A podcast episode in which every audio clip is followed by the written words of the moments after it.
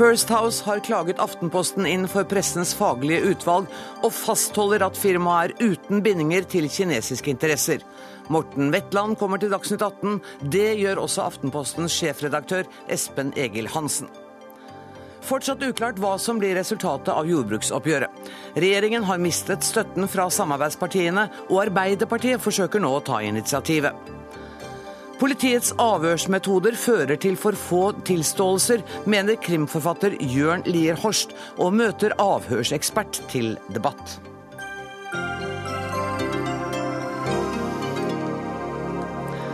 Dette er fredagsutgaven av Dagsnytt 18, der vi også skal møte Aslak Sira Myhre, nå i en helt ny rolle, nemlig som sjef for Nasjonalbiblioteket.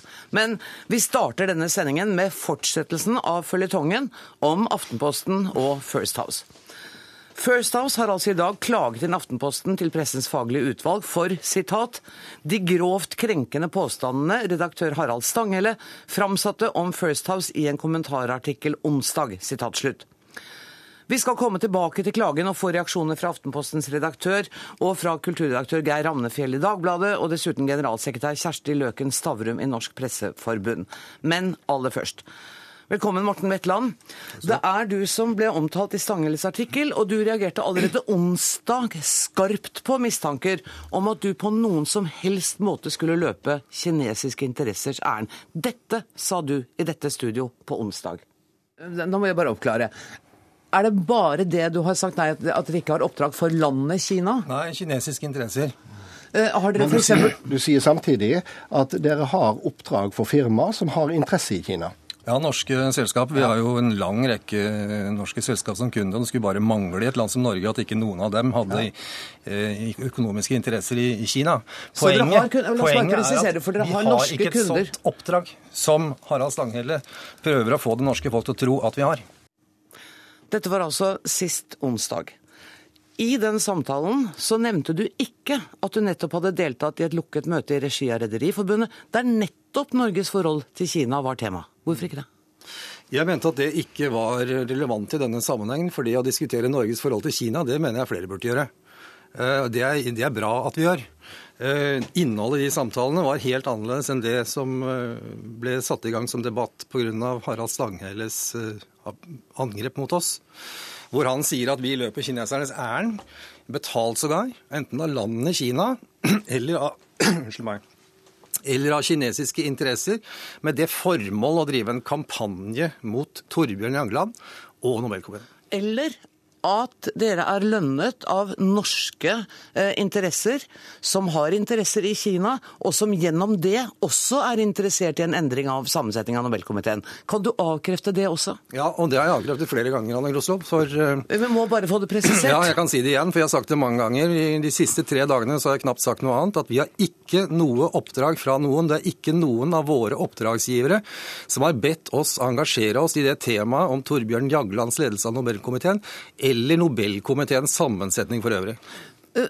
Når du ser tilbake nå, eh, og du vurderte det som irrelevant at vi skulle få vite at du hadde vært på et møte som handlet om nettopp Norges forhold til Kina, ser du i ettertid at eh, den alminnelige mening ser ut til å være at den opplysningen burde vi hatt? Jo, men det er et forhold til, og det eh, er ikke så ofte at eh, den vanlige tilhører får dette for seg. Men vi var i de møtene som rådgiver for Rederiforbundet. Vi var ikke normale deltakere i det møtet. Eh, Og eh, vår oppdragsgiver har i dag i aviser redegjort for vår rolle i de møtene. Eh, Når man er der, enten man er rådgiver, la oss si at du er advokat eller du er revisor, og er på et møte hos en oppdragsgiver, så eier du ikke informasjon om det møtet.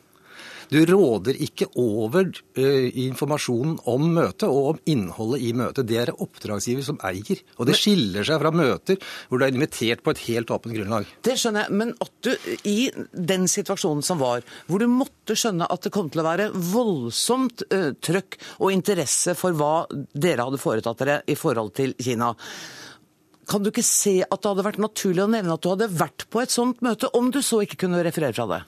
Jeg kan forstå at noen syns at jeg burde tenkt sånn, men jeg gjorde altså ikke det. Og det gjorde jeg ikke av de to grunnene som jeg refererte for det nå. For det første så eh, er det ikke slik at vi har noe oppdrag at de møter noen relevans for de påstandene som Harald Stanghelle har kastet ut.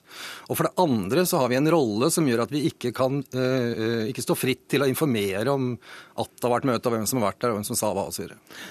På onsdag ble det stilt spørsmålstegn ved eh, Harald Stanghelles troverdighet. I dag er det vel grunn til å stille spørsmål ved din? Ja, det får folk gjøre seg opp sine egne meninger hva de tror og ikke tror.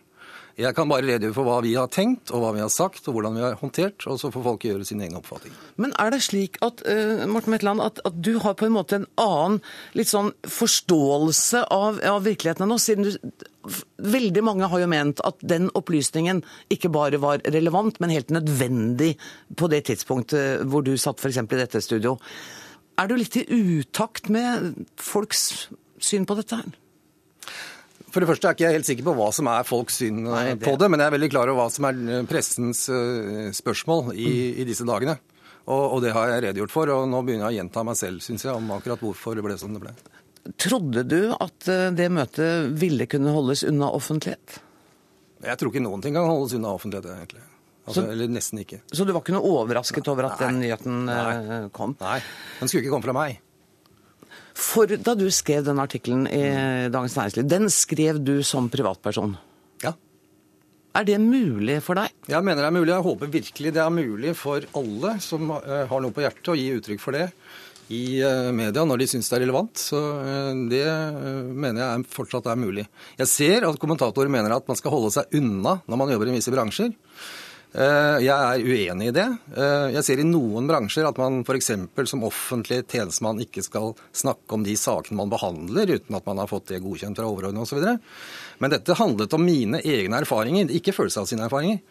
Eh, fra da jeg var FN-ambassadør. Og det gjaldt forhold som jeg hadde observert der borte for fire år siden. Jeg ville aldri i verden skrevet den artikkelen for fire år siden. Det var for nære i tid. De det gjaldt, de var fortsatt i de rollene de hadde da disse tingene skjedde. Eh, men nå, i en situasjon hvor vi har en bred debatt i Norge eh, Det kommer mange synspunkter på Kina, vi hadde Dalai Lama. Eh, Nobelkomiteen er jo Ja, vi er mer opptatt av Nobelkomiteen i Norge naturlig nok enn i andre land. Så mente jeg det hadde vært på tide å bringe til offentligheten mine erfaringer fra hvordan jeg opplevde det i USA mens jeg var FN-ambassadør. Og det gjaldt Nobama-prisen. Det er den jeg har skrevet om. Var den jeg oppfattet som pinlig. Ikke den kinesiske fredsprisen som kom året etter. Eh, den var det veldig liten oppmerksomhet om i USA, eller i FN generelt. Men Obama, den ble lagt merke til. altså. Hadde du noen idé om da du skrev den artikkelen i Dagens Næringsliv, hvilken storm den ville avstedkomme? Nei, jeg var bare glad for at de trykket den. Uh, er du fortsatt glad for det? Ja, ja, ja. Ja, det syns jeg er eh, bra. Det mente jeg burde fram, det som jeg skrev i denne artikkelen. Det jeg selvfølgelig ikke kunne forestille meg i søvne, det var at Harald Stanghelle av alle skulle komme med en eller annen eh, underlig konspirasjonsteori som jeg skulle delta i. Betalt av kinesiske myndigheter. Nå har dere eh, klaget eh, Aftenposten inn for eh, PFU. Har det vært en vanskelig avgjørelse for dere da? Nei, egentlig ikke. Eh, den tok vi i dag. Vi sa det her for at vi ville vurdere det på onsdag, tror jeg. Mm. Og i dag tok vi den beslutningen og meddelte det i en pressemelding. Takk skal du ha, Morten Wetland, First House. First House har altså klaget Aftenposten for Pressens faglige utvalg, og en av årsakene var sitat, de grovt krenkende påstandene redaktør Harald Stanghelle fremsatte om First House i en kommentarartikkel onsdag. sitat slutt. Espen Egil Hansen, sjefredaktør i Aftenposten. Du har sagt at du har, dere har gitt First House en gavepakke. Ja. Betyr det at du allerede anser det slaget som tapt? Nei, eh, vi har ikke gitt en presseetisk eh, gavepakke. Men vi har gitt First House ved en mulighet til å lede oppmerksomheten bort fra det som er kjernen i denne saken ved å bruke dette uttrykket 'et godt, men uh, udokumentert uh, rykte', hvor vi burde brukt uttrykket 'kilde'. Uh, og det er en gavepakke, for Vetland representerer et påvirkningshus, et kommersielt og profesjonelt påvirkningshus, som vet å ta tak i sånne gavepakke og bruke det til å lede oppmerksomheten bort fra kjernen og til der de ønsker den. Hvorfor eh, strøk dere ikke ordet rykter og ubekreft, gode, ubekreftede rykter før artikkelen kom på trykk? Vi, vi burde hatt uh, en bedre gjennomgåelse uh, av den uh, formuleringen, og kanskje en til, og hatt en bedre debatt i, i, forkant. Og dette har vi brukt tid på å diskutere, ikke bare i redaktørkollegiet, men i, all, i allmøtet i Aftenposten. Eh, nettopp fordi det er så viktig å, å, lese nøye og se en sånn sak fra alle sider. Men kjernen i saken, de spørsmålene som Stanghelle reiser, står vi ved. De er viktige, og det har jo også jammen dagen i dag vist. Hvor, langt, hvor dypt inn i den redaksjonelle vurderingen var du? Jeg hadde ikke lest denne artikkelen. Før den ble publisert, så jeg leste den ved midnatt etter at den var publisert. Hvordan reagerte du? jeg var svært overrasket, stusset ved to formuleringer. Og hadde en SMS-utveksling med Harald allerede neste morgen. Og ville gjerne høre... Og tonene den var? Den er alltid vennlig. Det er en fornøyelse å jobbe med Harald, Harald Stanghelle. Eh, men jeg skjønte at eh, disse formuleringene eh, kunne virke mot sin hensikt, at det kunne lede oppmerksomheten bort fra det som er den gode kjernen i denne saken. Og det er? Det er eh, hvorfor skrev Vekland eh, denne artikkelen i DN? Hva er First House sin rolle i, det, i denne saken? Vi har prøvd å oppklare det i den samtalen du hørte nå nettopp. Ja, vi, har, vi kom i mål? Vi er ikke helt i mål, men Aftenposten og VG har kommet noe nærmere i dag. Um, regner du med at dere kommer til å ikke bli felt? Uh, jeg mener formule formuleringen uh, rykte ikke er et presseetisk brudd. Det er en formulering han har valgt. Han burde brukt ordet kilde. Det er en Det slår først og fremst tilbake på oss, gir oss mer arbeid. Eh, er denne gavepakken til First House, men det er ikke i seg selv et presseetisk brudd. Men dere blir jo meldt eh, også for eh, det som heter samtidig imøtegåelse, altså punkt 414? Mm. Det, det, kan diskuteres. Jeg mener at også heller ikke dette er et presseetisk brudd. Den subjektive, frie kommentaren må nettopp være det. Subjektiv og fri. Det Harald Stanghelle gjør i denne artikkelen, det er å stille tøffe, men høyst relevante spørsmål. Og det har jo også dagen i dag vist. På grunnlag av det som ble satt i gang i, i, av disse spørsmålene, så har nettopp informasjon fra de lukkede, skjulte rom i dag flyttet til overflaten, og vi, vi vet i dag mer om hva som skjer. Geir Ravnefjell, du er kulturredaktør i Dagbladet. Eh, og Jeg skal ikke spørre deg om du vil spå om utfallet av en PFU-behandling. Men nå hører du sjefredaktøren sier at kommentaren skal være subjektiv og fri, og det er vel nettopp din, ditt anliggende i den artikkelen du skriver i dag? Ja, jeg er helt, eh, helt enig i det. Og jeg har absolutt ikke noe ønske om at Stanghelle skal felles i, i pressens faglige utvalg. Um, Min, men. men Nei, altså min, mitt anleggende er jo egentlig et for så vidt et sidespor i denne debatten. Men um, mitt poeng er at uh, maktkonsentrasjonen i pressen har vært diskutert mange ganger. Og uh, den er særlig tydelig på toppen av, uh, av medieorganisasjonene. Og denne saken tydeliggjør hvorfor det er problematisk.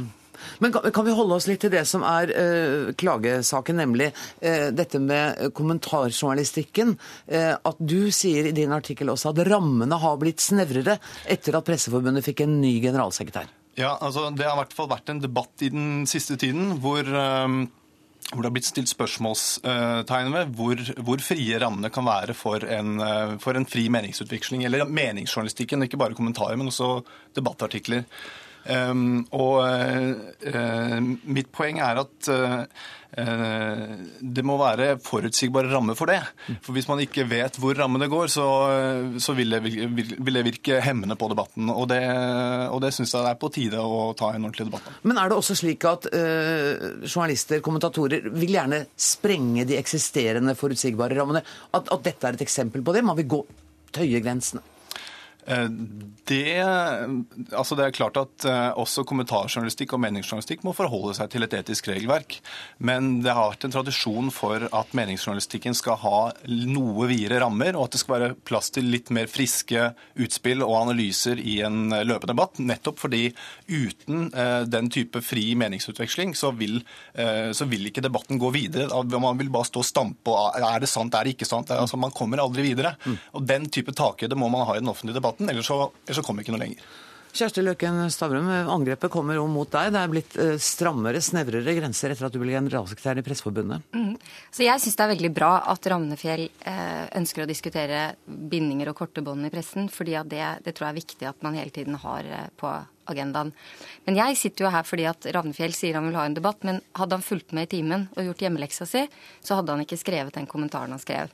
Fordi eh, Der nevner han helt konkret at det ble skapt en debatt etter en formulering i en fellelse om at eh, eh, samtidig imøtegåelse er i utgangspunktet sjangeruavhengig. Det siterer du.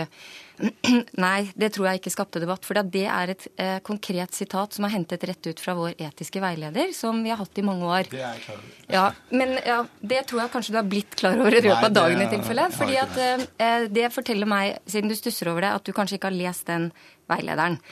Det var eh, å følge med i, i timen. Og så er det hjemmeleksa, og det går på at det eh, er ikke skjedd noen innstramming. Eh, det er i tilfelle en ryktespredning, for å bruke et mye hyppig brukt ord denne uka her.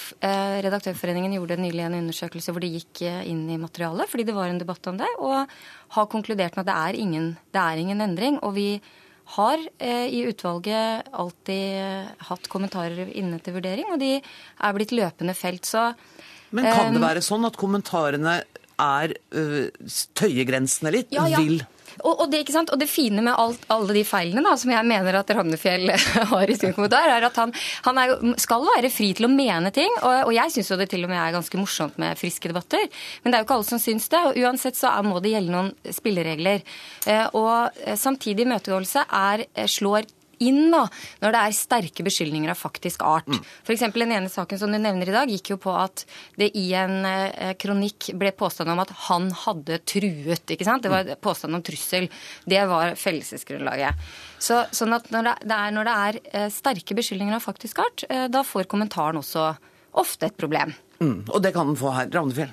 Altså, mitt poeng er jo at uh, i den løpende debatten altså Statistikken er en ting, men i den løpende debatten så har dette her vært et, en problemstilling som folk har vært opptatt av. og det har jo, Vi ser jo Dagsavisen skriver om det samme i dag, og jeg har fått veldig mye tilbakemelding og støtte fra kolleger i dag. Uh, og I den offentlige debatten så har jo ikke du markert deg som noen sterk og varm forsvarer av nettopp at uh, kommentarjournalistikken og meningsjournalistikken skal ha spesielt vide, eller ekstra vide rammer.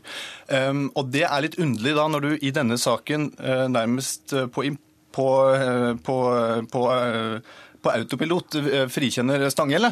Og Det er det som virker underlig. Og Da er vi inne i den der Helene, Helene Remsa med at de er tidligere kolleger. Kjersti Røkken Stavrum sitter som vara i Tinius-stiftelsen, som eier Skipsted. Stanghelle sitter som styremedlem i Norsk Presseforbund, som vraket de andre kandidatene og plukket Stavrum. Ja, altså, det, Mitt poeng er ikke at det er selvfølgelig noe som har skjedd som ikke tåler dagens lys, men usikkerheten det skaper, det er ikke bra for presseetikken. Ja, altså, og, og, det andre er jo, vi, vi, kan ikke gå inn på det der, for det, vi, må, vi, må, dessverre det, det, får være en påstand. Men, men jeg tenker på at du, du, er så glad i en eh, frisk debatt at du kanskje litt raskt var ute i, i går og gjorde deg sjøl inhabil i forhold til sekretariatsarbeidet for PFU? Nei, ja, altså Det var jo en bevisst, det var jo noe jeg valgte bevisst. og Jeg mener jo at generalsekretæren i Norsk Presseforbund skal være, delta i eh, aktuelle, viktige pressedebatter. Eh, som jeg så at den, veldig kjapt så at denne kom til å være. Men kunne ikke jobben din vært vel så viktig utført i sekretariatet for PF? Ja, det, men det blir jo alltid en vurdering. Mm. Eh, og, her, eh, og Det er det ene. Og det andre er at mitt mål, i motsetning til en del politikere, er å prøve å svare så klart som mulig når jeg blir spurt. Eh, og, og, på spørsmålet om jeg trodde dette var et brudd på 414, så resonnerte jeg ut fra at det veldig uheldige ordet rykte eh, her må forstås i en sammenheng som eh, har grunn til å tro. Som jo er innarbeidet som Dagbladet gjør hver uke, og VG har også grunn til å tro hele tiden. Det er refererte kilder, og det inngår i en løpende debatt. Og da Ut fra det så, så mente jeg at jeg ville synes det var strengt hvis, hvis det ble felt på 414. Også fordi at eh, Det vil jeg gjerne legge til, for det har jeg også sagt tidligere i uka, at eh, jeg ble litt var for, eh, siden det var First House som spilte inn dette med presseetikken, at at dette kom til å bli en låsning for hva som egentlig saken handlet om. Og at pressen da ville veldig raskt gå i retning av denne debatten. Det klarte First House, og her er vi. Og eh, her går dere snart ut fra, for jeg setter strek for denne episoden av denne føljetongen. Tusen takk for at dere kom, eh, Kjersti Løkken Stavrum, Geir eh, Ramnefjell og Espen Egil Hansen fra Aftenposten. Dagsnytt 18 alle hverdager klokka 18. På NRK P2 og NRK2.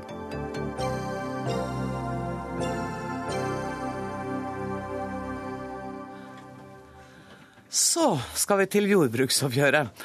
For det mangler fremdeles en avtale. Og klokka to i natt brøt regjeringen forhandlingene med sine samarbeidspartier Venstre og KrF. Det vil si, det er vel litt spørsmål om hvem som brøt, og det har dere vel krangla litt om. Uansett så ble det brudd. Og det syns kanskje du var greit, landbrukspolitisk talsperson for Arbeiderpartiet, Knut Storberget?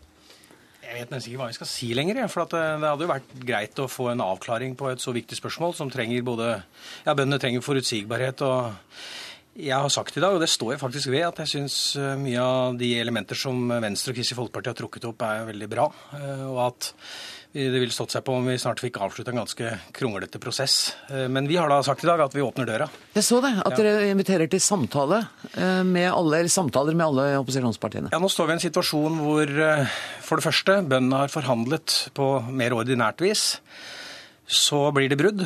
Eh, Så skjer jo det som vel aldri har skjedd før i jordbruksforhandlingsregi, at man før, dagen før saken skal gå i statsråd, altså statens tilbud, så innledes det forhandlinger på statsministerens kontor, og som brytes i natt. Eh, Da møter altså en del av opposisjonen i Stortinget Høyre og eh, Fremskrittspartiet i regjering.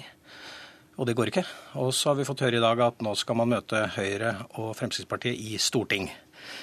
Og jeg har lagt merke til at den første nestlederen i næringskomiteen, Øyvind Korsberg fra Fremskrittspartiet, har sagt at eh, de har ingenting å gi Venstre og Kristelig Folkeparti, og at man bare kan glemme det sporet og, og få gjort noe i forhold til dette.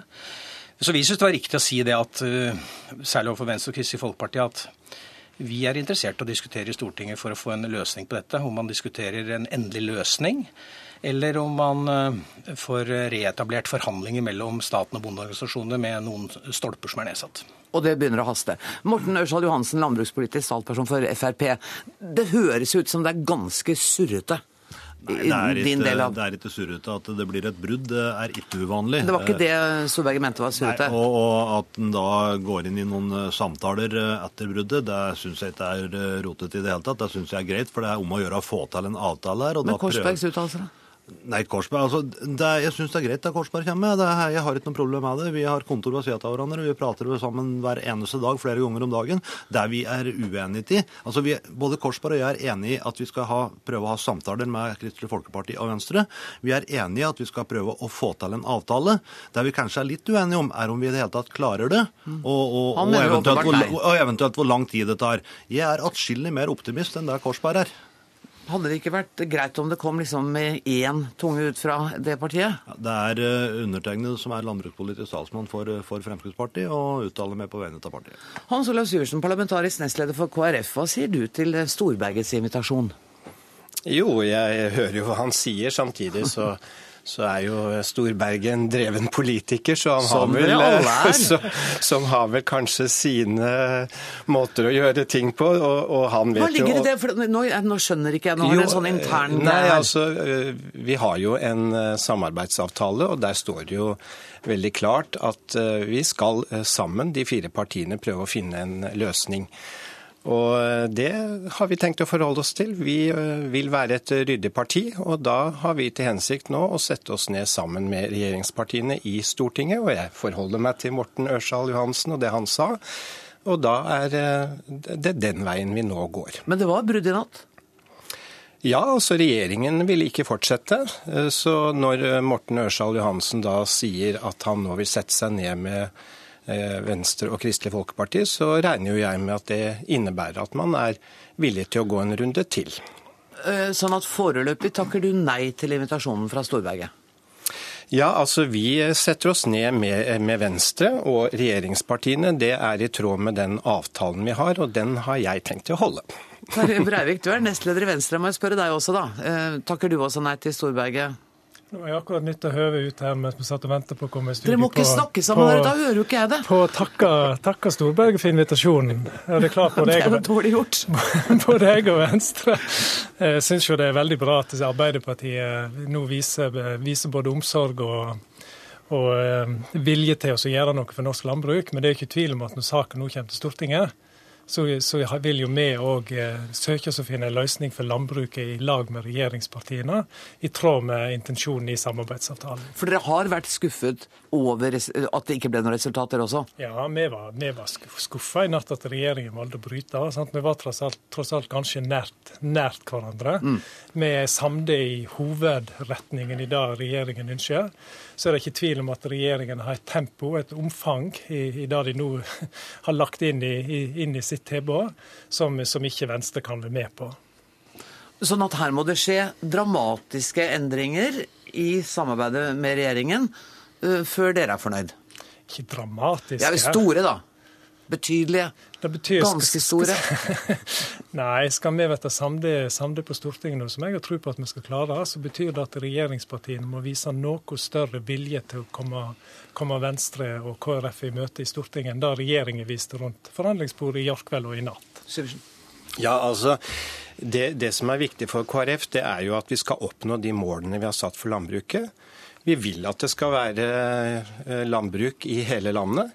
Vi vil at vi skal både ha små eh, og store bruk. Og vi kan godt løfte de store, men det skal vi ikke gjøre bare ved å slå de små ned.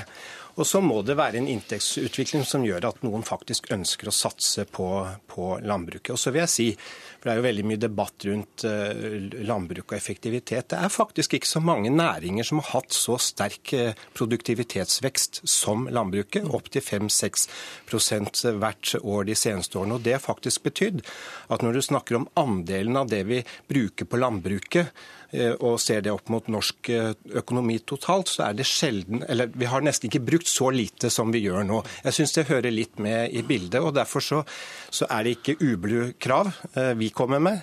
Og så håper jeg at vi kan finne en løsning.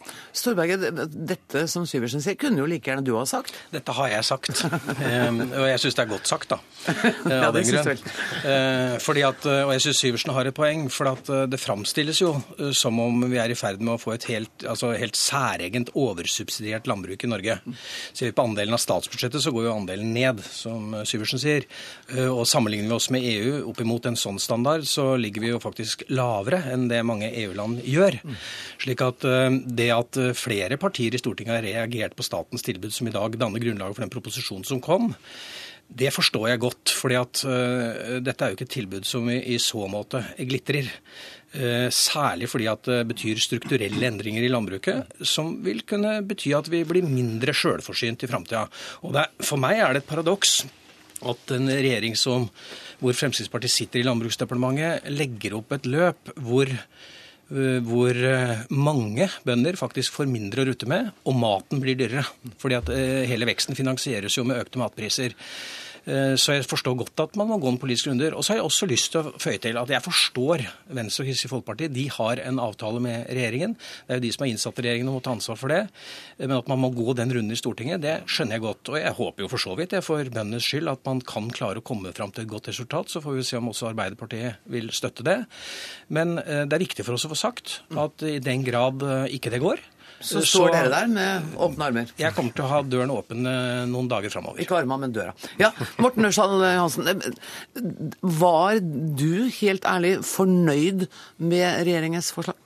Jeg, syns regjeringens forslag var godt, og det er feil det Storberget sier, at eh, bønder ikke noen kommer til å tape på det. Det er ingen som kommer til å tape på det oppgjøret som ble, eller det tilbudet som ble lagt fram fra regjeringen, så, så det er direkte feil.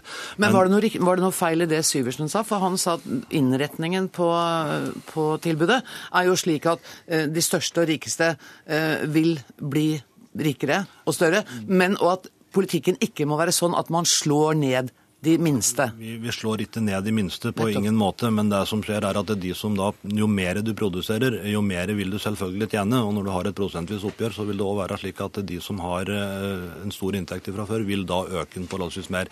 Det som skjer her nå, er at de som har eh, en, en lavere omsetning i, på bruka sine, vil få en lavere økning enn det de som har litt større bruk. Men det betyr ikke at noen kommer til å tape på det. Alle vil tjene på det. Men hvis du da finner ut at du vil øke produksjonen din og produsere mer, så har du muligheten til det, og da tjene enda mer. Breivik, kan ikke vi la være å gå altfor mye inn i de tekniske tingene, og så holde oss til det som er eh, dagens realiteter, nemlig de politiske løsningene som man nå er avhengig av. Hvor lang tid mener du at eh, dere har på dere? Hvor lenge kan vi vente på en eh, reell løsning? For alle parter så er det selvsagt ønskelig at vi blir samlet så, så fort som mulig. Eh, På den andre sida, nå er ikke dette noe mer dramatikk enn at nå, kommer den, nå kom det en ordinær proposisjon, som det heter på dette språket, altså en sak til Stortinget fra regjeringen i dag. Mm.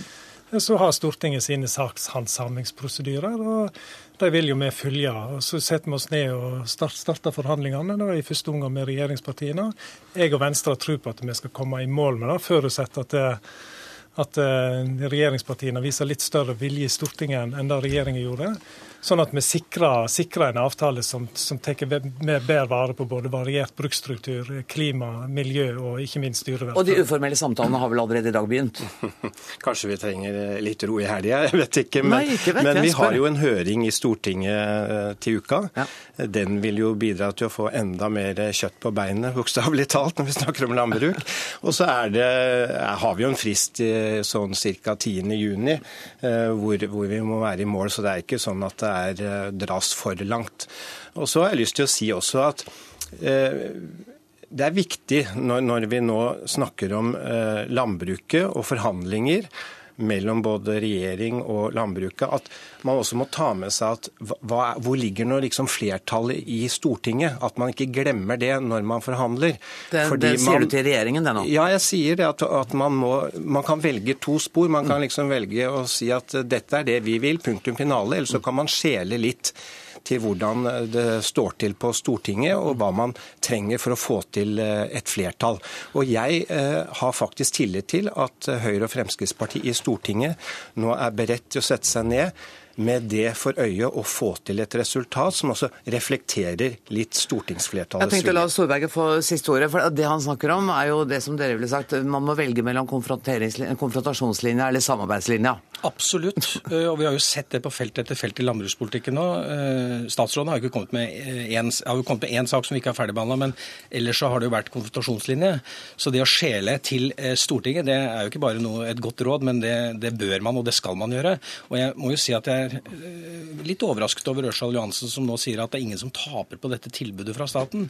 Ser man på Landbruksdepartementets egne beregninger på referansebruk for korn, så er det jo sånn at der tapes det. Og vi har flere eksempler. Man kutter ut tidligpensjonsordning for bønder. Du? Man kutter miljøordninger. slik Nå at det er nok er å du rette langt på. i det, og jeg vil liksom gjerne at vi skulle snakke om politikken. Derfor så setter jeg strek og kaster dere ut, mine herrer. Tusen takk for at dere kom, Knut Storberget, Hans Olav Syversen, Terje Breivik og Morten Ørsal Johansen. Kommer eh, en annen mann, Lars Nehru Sand, politisk kommentator her i NRK.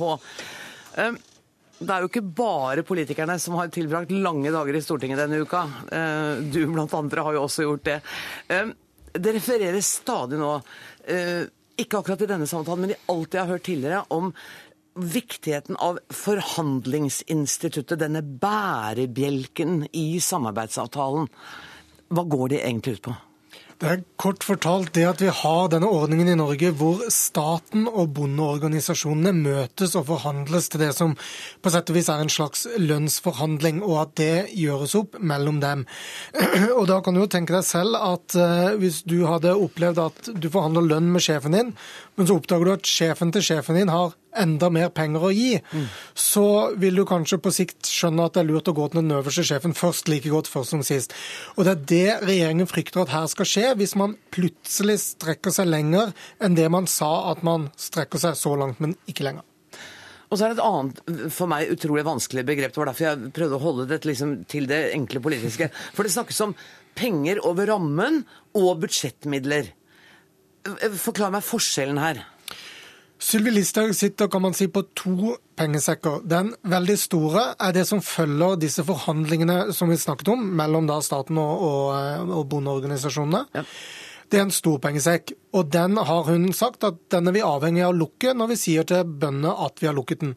Så er det en litt mindre pengesekk som går over statsbudsjettet, som jo Stortinget bestemmer. Som Listhaug og regjeringen i natt sa til Kristelig Folkeparti og Venstre, at her kan vi alltids putte på litt mer penger. Men det går jo ikke til bøndene. Det ender ikke opp i fjøset. Det går til eh, mattilsyn og dyrevern, og det går til litt forskning og litt sånne ting.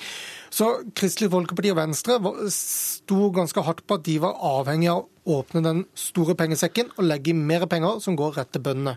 Enkelt forklart. Og det har jo Venstre og Kristelig Folkeparti fortsatt en uh, tro på at de skal få til. Ja. Og Da tror jeg dette handler om noe så enkelt, men komplisert som at den store pengesekken tror jeg det er lettere for Morten Ørsal Johansen å åpne på Stortinget uten å tape noe stolthet eller eh, politisk standpunkt, enn det er for Sylvi Listhaug som statsråd å gjøre det.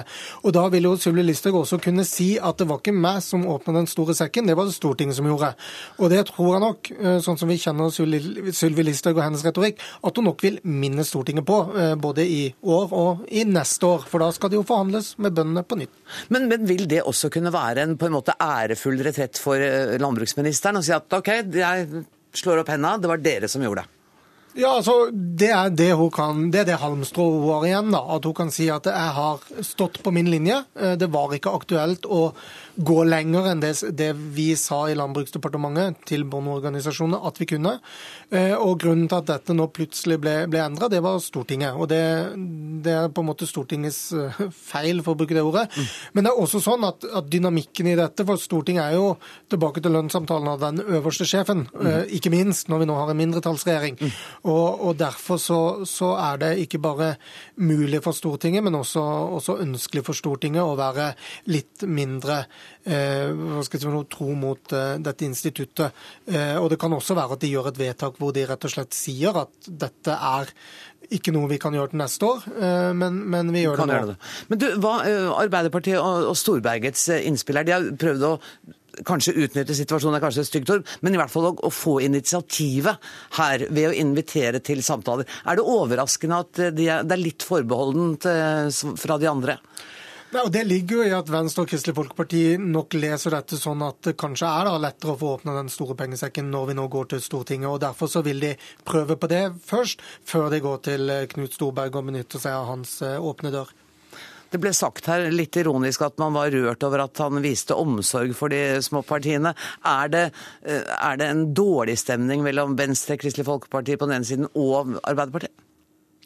Nei, jeg tror, eh, jeg tror, bare Venstre og Kristelig Folkeparti er opptatt av å reelt sett eh, oppfylle sin del av samarbeidsavtalen, nemlig å snakke med regjeringspartiene først.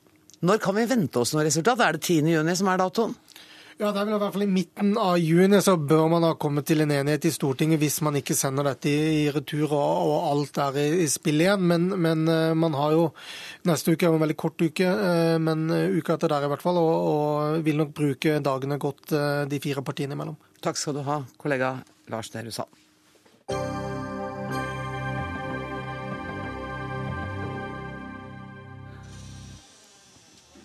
Avhørsmetoder i norsk politi er det det skal dreie seg om nå. Avhørsmetoden som nå brukes, kalles kreativ, med punktum mellom hver bokstav, og ble utviklet av norsk politi i 2001.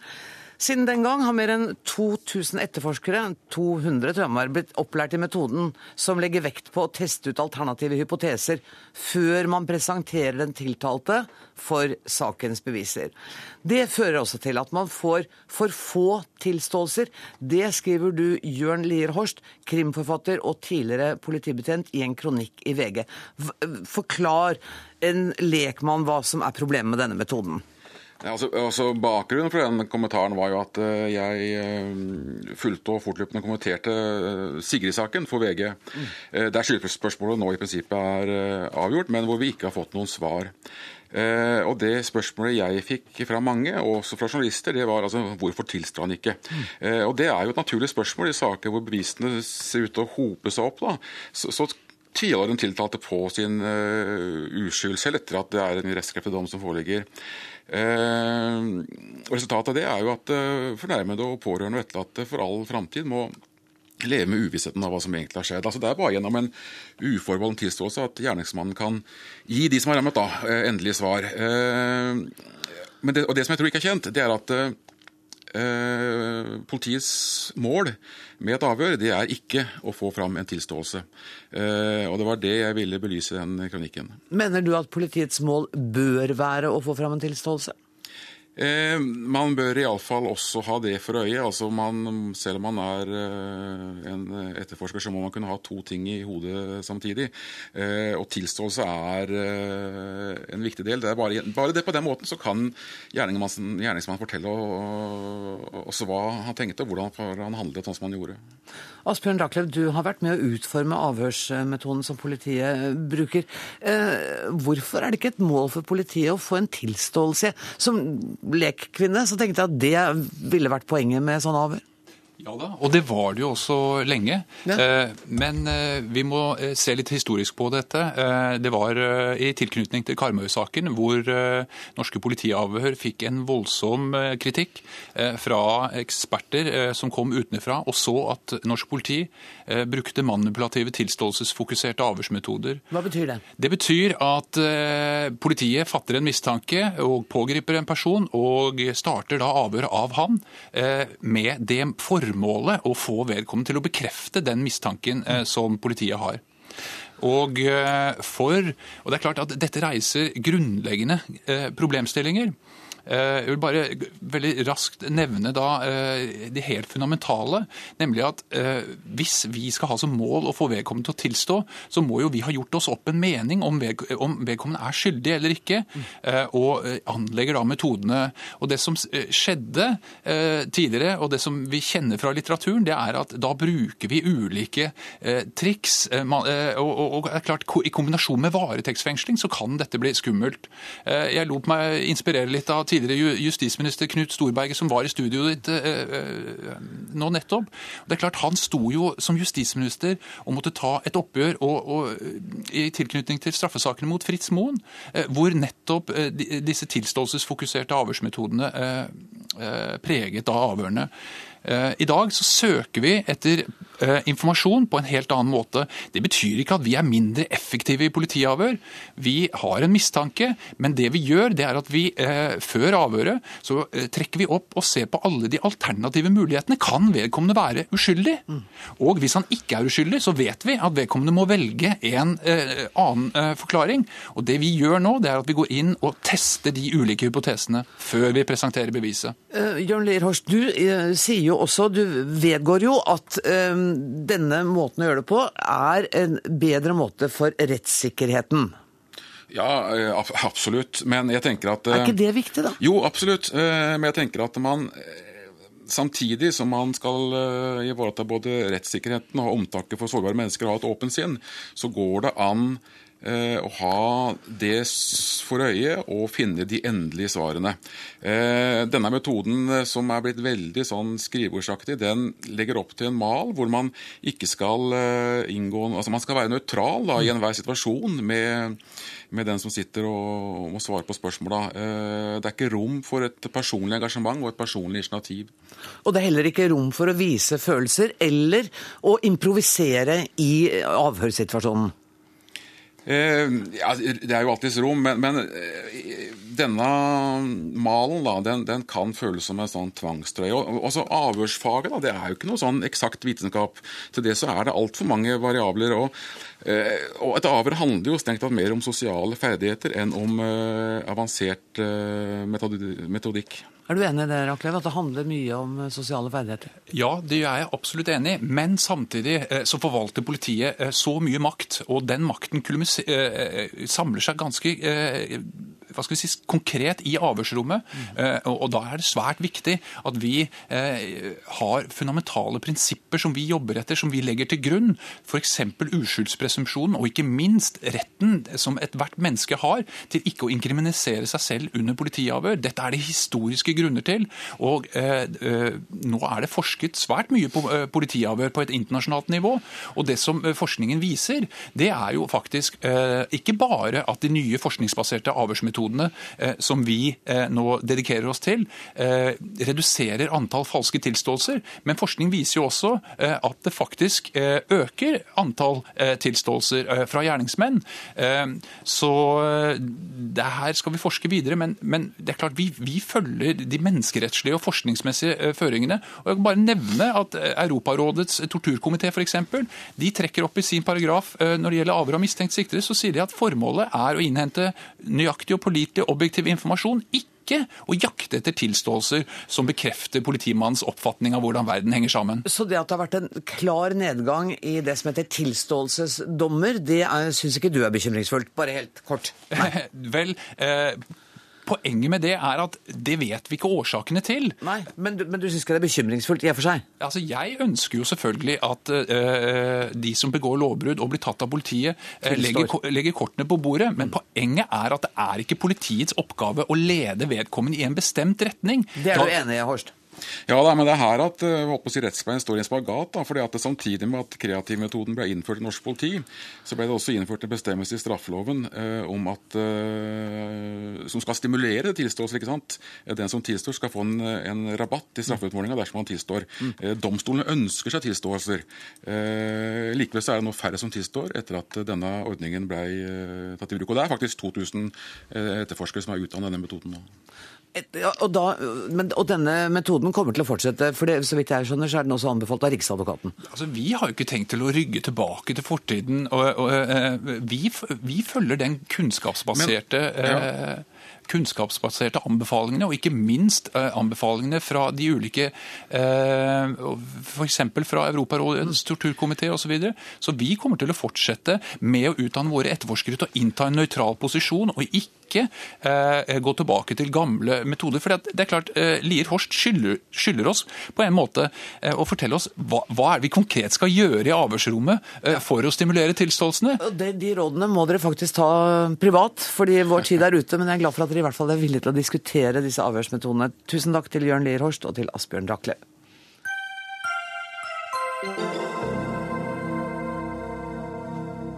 I dag ble det avgjort Bispemøtet sier endelig nei til vielse av homofile i kirken. Det har vært knyttet stor spenning til hva landets biskoper ville komme fram til etter at Kirkemøtet tidligere i år greide å bli enige, ikke greide å bli enige om noen av de forslagene som da lå på bordet. Med oss på telefonen er Helga Haugland Byfuglin. Du er preses i bispemøtet. Hvorfor traff dere denne beslutningen? Nå var den innledningen eh, kanskje noe misvisende. Oi. Det vi har gjort, det er vi konstaterer at Kirkemøtet ikke har vedtatt noen liturgi for eh, vigsel av likekjønnede par, og Bispemøtet har ikke myndighet til å gjøre det. Så vi har konstatert det, og tydeliggjør at eh, prester kan ikke vie likekjønnede par. Er du, lei, er du lei for dette? Det som, eh, jeg har jo vært av de som har arbeidet for at vi skulle i alle fall få en forbønnsliturgi.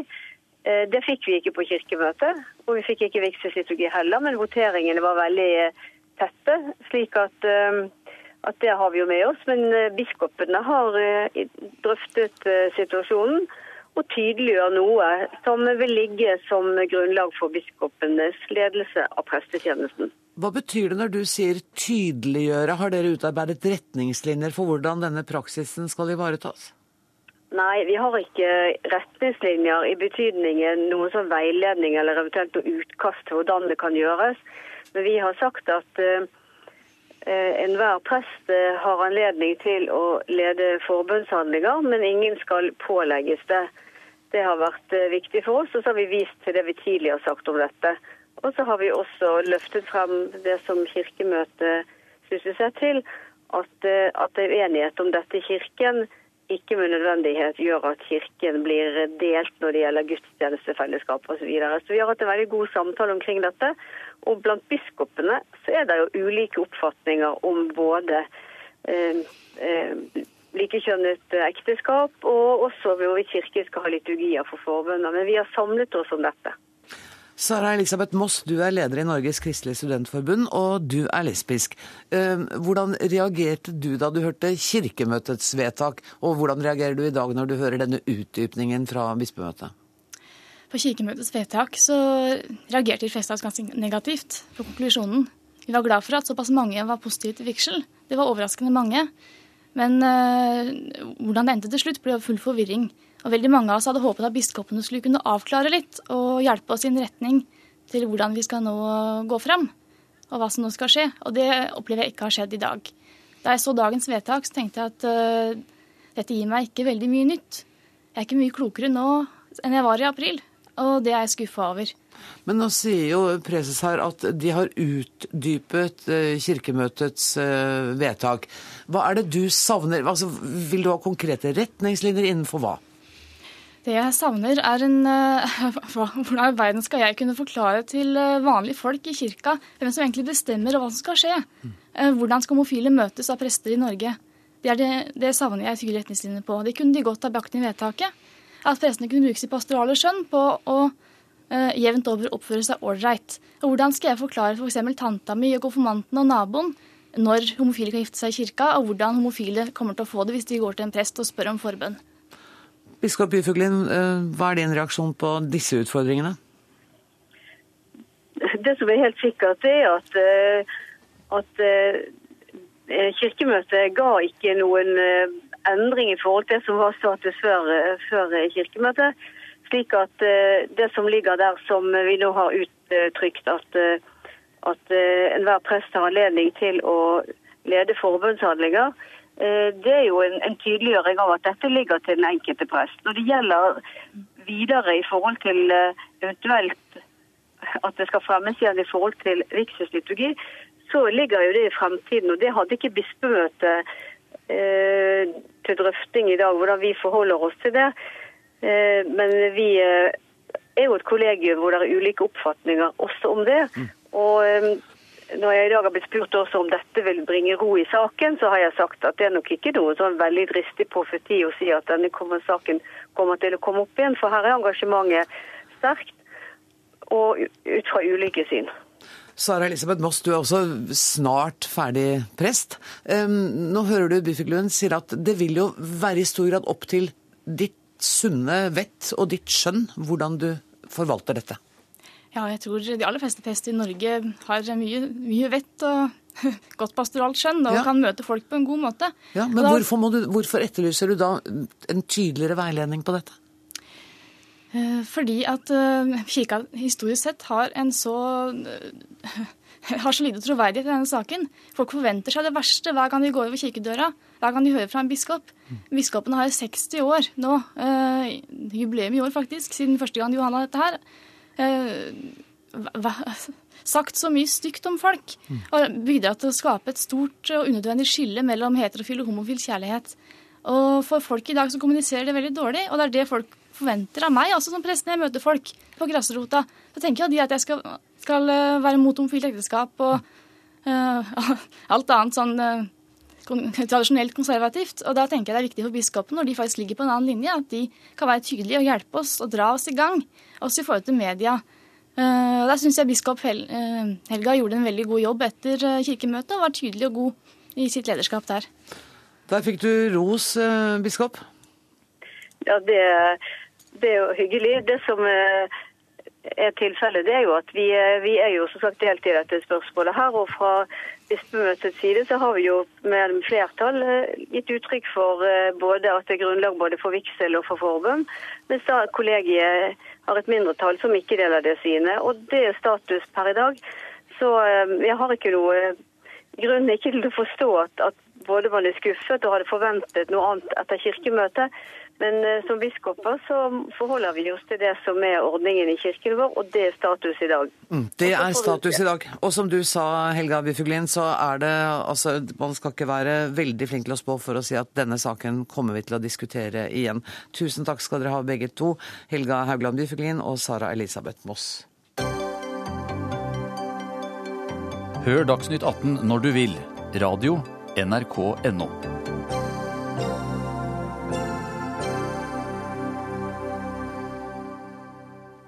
I dag ble det klart hvem som er ny direktør for Nasjonalbiblioteket. Han går fra å være daglig leder for Litteraturhuset i Oslo til å bli sjefen over alle sjefer for bibliotekene. Eller litt tabloid sagt, gratulerer med ny jobb, og velkommen til Dagsnytt 18, Aslak Sira Myhre. Tusen takk. Åssen kjennes det?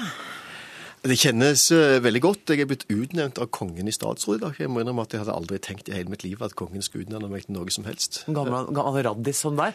Det, det var det noen som skrev faktisk på Twitter, var det ikke det da? Uh, Andreas Halsia, leder i Sosialistisk Ungdom, tvitrer i dag 'Enhver ung radikalers drøm går i oppfyllelse for avslag og blir ansatt av kongen i statsråd. Nettopp. Jeg er ansatt av kongen i statsråd, og jeg har fått en tittel hvor jeg sitter nasjonal foran. I hvert fall så var tittelen nasjonalbibliotekar før, og, og det er jo magisk i seg sjøl. Det er rett og slett sånn jeg lurte på når jeg kom inn på kontoret om det var, hang et skjegg klart og en stor hatt. Og så viste det seg at det ikke engang var et kontor, det var et kontorlandskap. Og Så du får ikke engang liksom litt flott uh... Nei, så Det første vi må gjøre noe med, i tillegg til at vi ikke skal til bibliotek, men bibla, sånn som vi kaller det i Stavanger, ja. det er å skaffe meg et kontor. Et ordentlig kontor med en svær eiketre skrivepult. Ja. Til det litt alvorlige, dette her er jo en utrolig viktig jobb. Um, har du allerede nå gjort deg noen tanker om hva ditt program skal være? Ja, til en viss grad. Jeg tenkte veldig nøye gjennom det før jeg søkte jobben. Av to grunner. Det ene at det er forferdelig trist å dra fra Litteraturhuset, eh, som vi har jobbet med i nesten ti år, og, og, og drevet i åtte som et åpent hus. Det er et fantastisk prosjekt. Men jeg tror at Litteraturhuset skal leve videre i 100 år, og da er det lurt at jeg forsvinner før jeg gror fast. Det er det ene. Det andre jeg har tenkt på, og som har gjort at jeg ville søke akkurat denne jobben, det er at Nasjonalbiblioteket har to ekstremt viktige funksjoner. Og Det ene er at Nasjonalbiblioteket er vår nasjonale hukommelse. Det er minnet vårt. Der er musikk, film, NRK, avisene, Bøkene, forskninga, alt er samla der. Alt som er publisert i Norge disse 200 åra, er samla der. Det er en base for forskere i hele landet. Det forskes på Nasjonalbiblioteket. Det er der du kan søke og finne. Men vi lever i ei tid hvor uh, vi drukner informasjon, mm. men hukommelsen vår blir kortere og kortere. Vi kan finne alt på nettet samtidig. Vi kan lese om pupper samtidig som vi leser om Ukraina, samtidig som vi leser om et eller annet i, på fjernsynet og et eller annet annet og ser en løyen katt eller et eller annet på Facebook. Og vi får masse informasjon, men vi husker kortere. Og jeg mener at Nasjonalbiblioteket i tillegg til å være den basen for forskning som det er, òg skal være et formidlingsbibliotek som forteller historien om Norge. Nasjonalbiblioteket skal minne oss på hvem vi har vært, og hvordan vi har blitt de med. Hva som er vår historie, hva som er vår vei herte. Og Det tenker jeg er ekstremt viktig i den tida vi lever i. Og Det andre er at Nasjonalbiblioteket òg har ansvar for utviklingen av hele biblioteksektoren i Norge. Forskningsbiblioteker, skolebiblioteker og ikke minst folkebibliotekene. Folkebibliotekene det er grunnsteiner i det norske demokratiet. Folkebibliotekene er blodårene i vårt kulturelle system. Og folkebibliotekene må utvikles på en måte hvor det blir mer og ikke mindre bibliotek i framtida. Mm. Så det har jeg tenkt, det er mitt program. Og, og folke, For å ta folkebibliotekene, så er jo det en brytningstid akkurat nå, hvor diskusjonene uh, går veldig hardt. Og det gjelder innkjøpsordninger, uh, det gjelder hvordan man skal behandle problemet med e-bøker og utland. Altså det er alt. Har du allerede nå liksom tenkt noe på hvordan du skal rette sette din uh, lederstil? Jeg skal ordne alt sammen. Veldig så i løpet av en ukes tid? Eller? Ja, ja jeg, jeg, har snakket med de allerede. Nei, for helt alvorlig, så Dette er todelt. På den ene siden så kan Nasjonalbiblioteket og landets bibliotekarer og folkebibliotekene mye mer om mye av dette enn meg. Og jeg skal lære av de og høre fra de hvor skoen trykker. Men det jeg vet, det er at den diskusjonen som pågår nå om folkebibliotek, den starter i feil ende. For den starter som om vi har et problem med mm. å reparere. Situasjonen er at folkebibliotekene er Norges mest brukte og mest populære offentlige tilbud med siden av skolen. Eh, altså, for Skolen er kanskje ikke like populær hos alle. Folkebibliotekene er skåret topp på brukertilfredshet blant byens bru brukerne. Altså, det er jo innbyggerne, det er jo oss, det er jo folk, det. Folk liker biblioteket, og folk bruker biblioteket. Lånet går eneste som, Vet du hva det eneste som man låner mindre enn før? vet du hva det er? Video og musikk. Og grunnen, til, ja, grunnen til det er jo at vi streamer. Sånn, du streamer det hjemme, men lånet av bøker går ikke ned i Norge. Besøket går opp på folkebibliotekene. Det er en vellykket situasjon, og det må tas utgangspunkt når vi bygger. Dette går bra. Egentlig så har jeg ofte lyst til å gå hjem litt tidlig på fredager. Da kunne jeg godt tenkt meg å sitte en halvtime til, men problemet Aslak Sira Myhre er at sendetida er eh, over. Så jeg må rett og slett uh, si tusen takk og lykke til i den nye jobben. Når tiltrer du? Jeg begynner til høsten, og til alle som ser på og hører på, i morgen er det lørdag. Biblioteket oppe. Gå og besøk det. Ansvarlig for Dagsnytt 18 i dag var Ida Tune Ørretsland. Det tekniske ansvaret har Hans Ole Hummelvold. Jeg heter Anne Grosvold og ønsker alle en riktig god helg.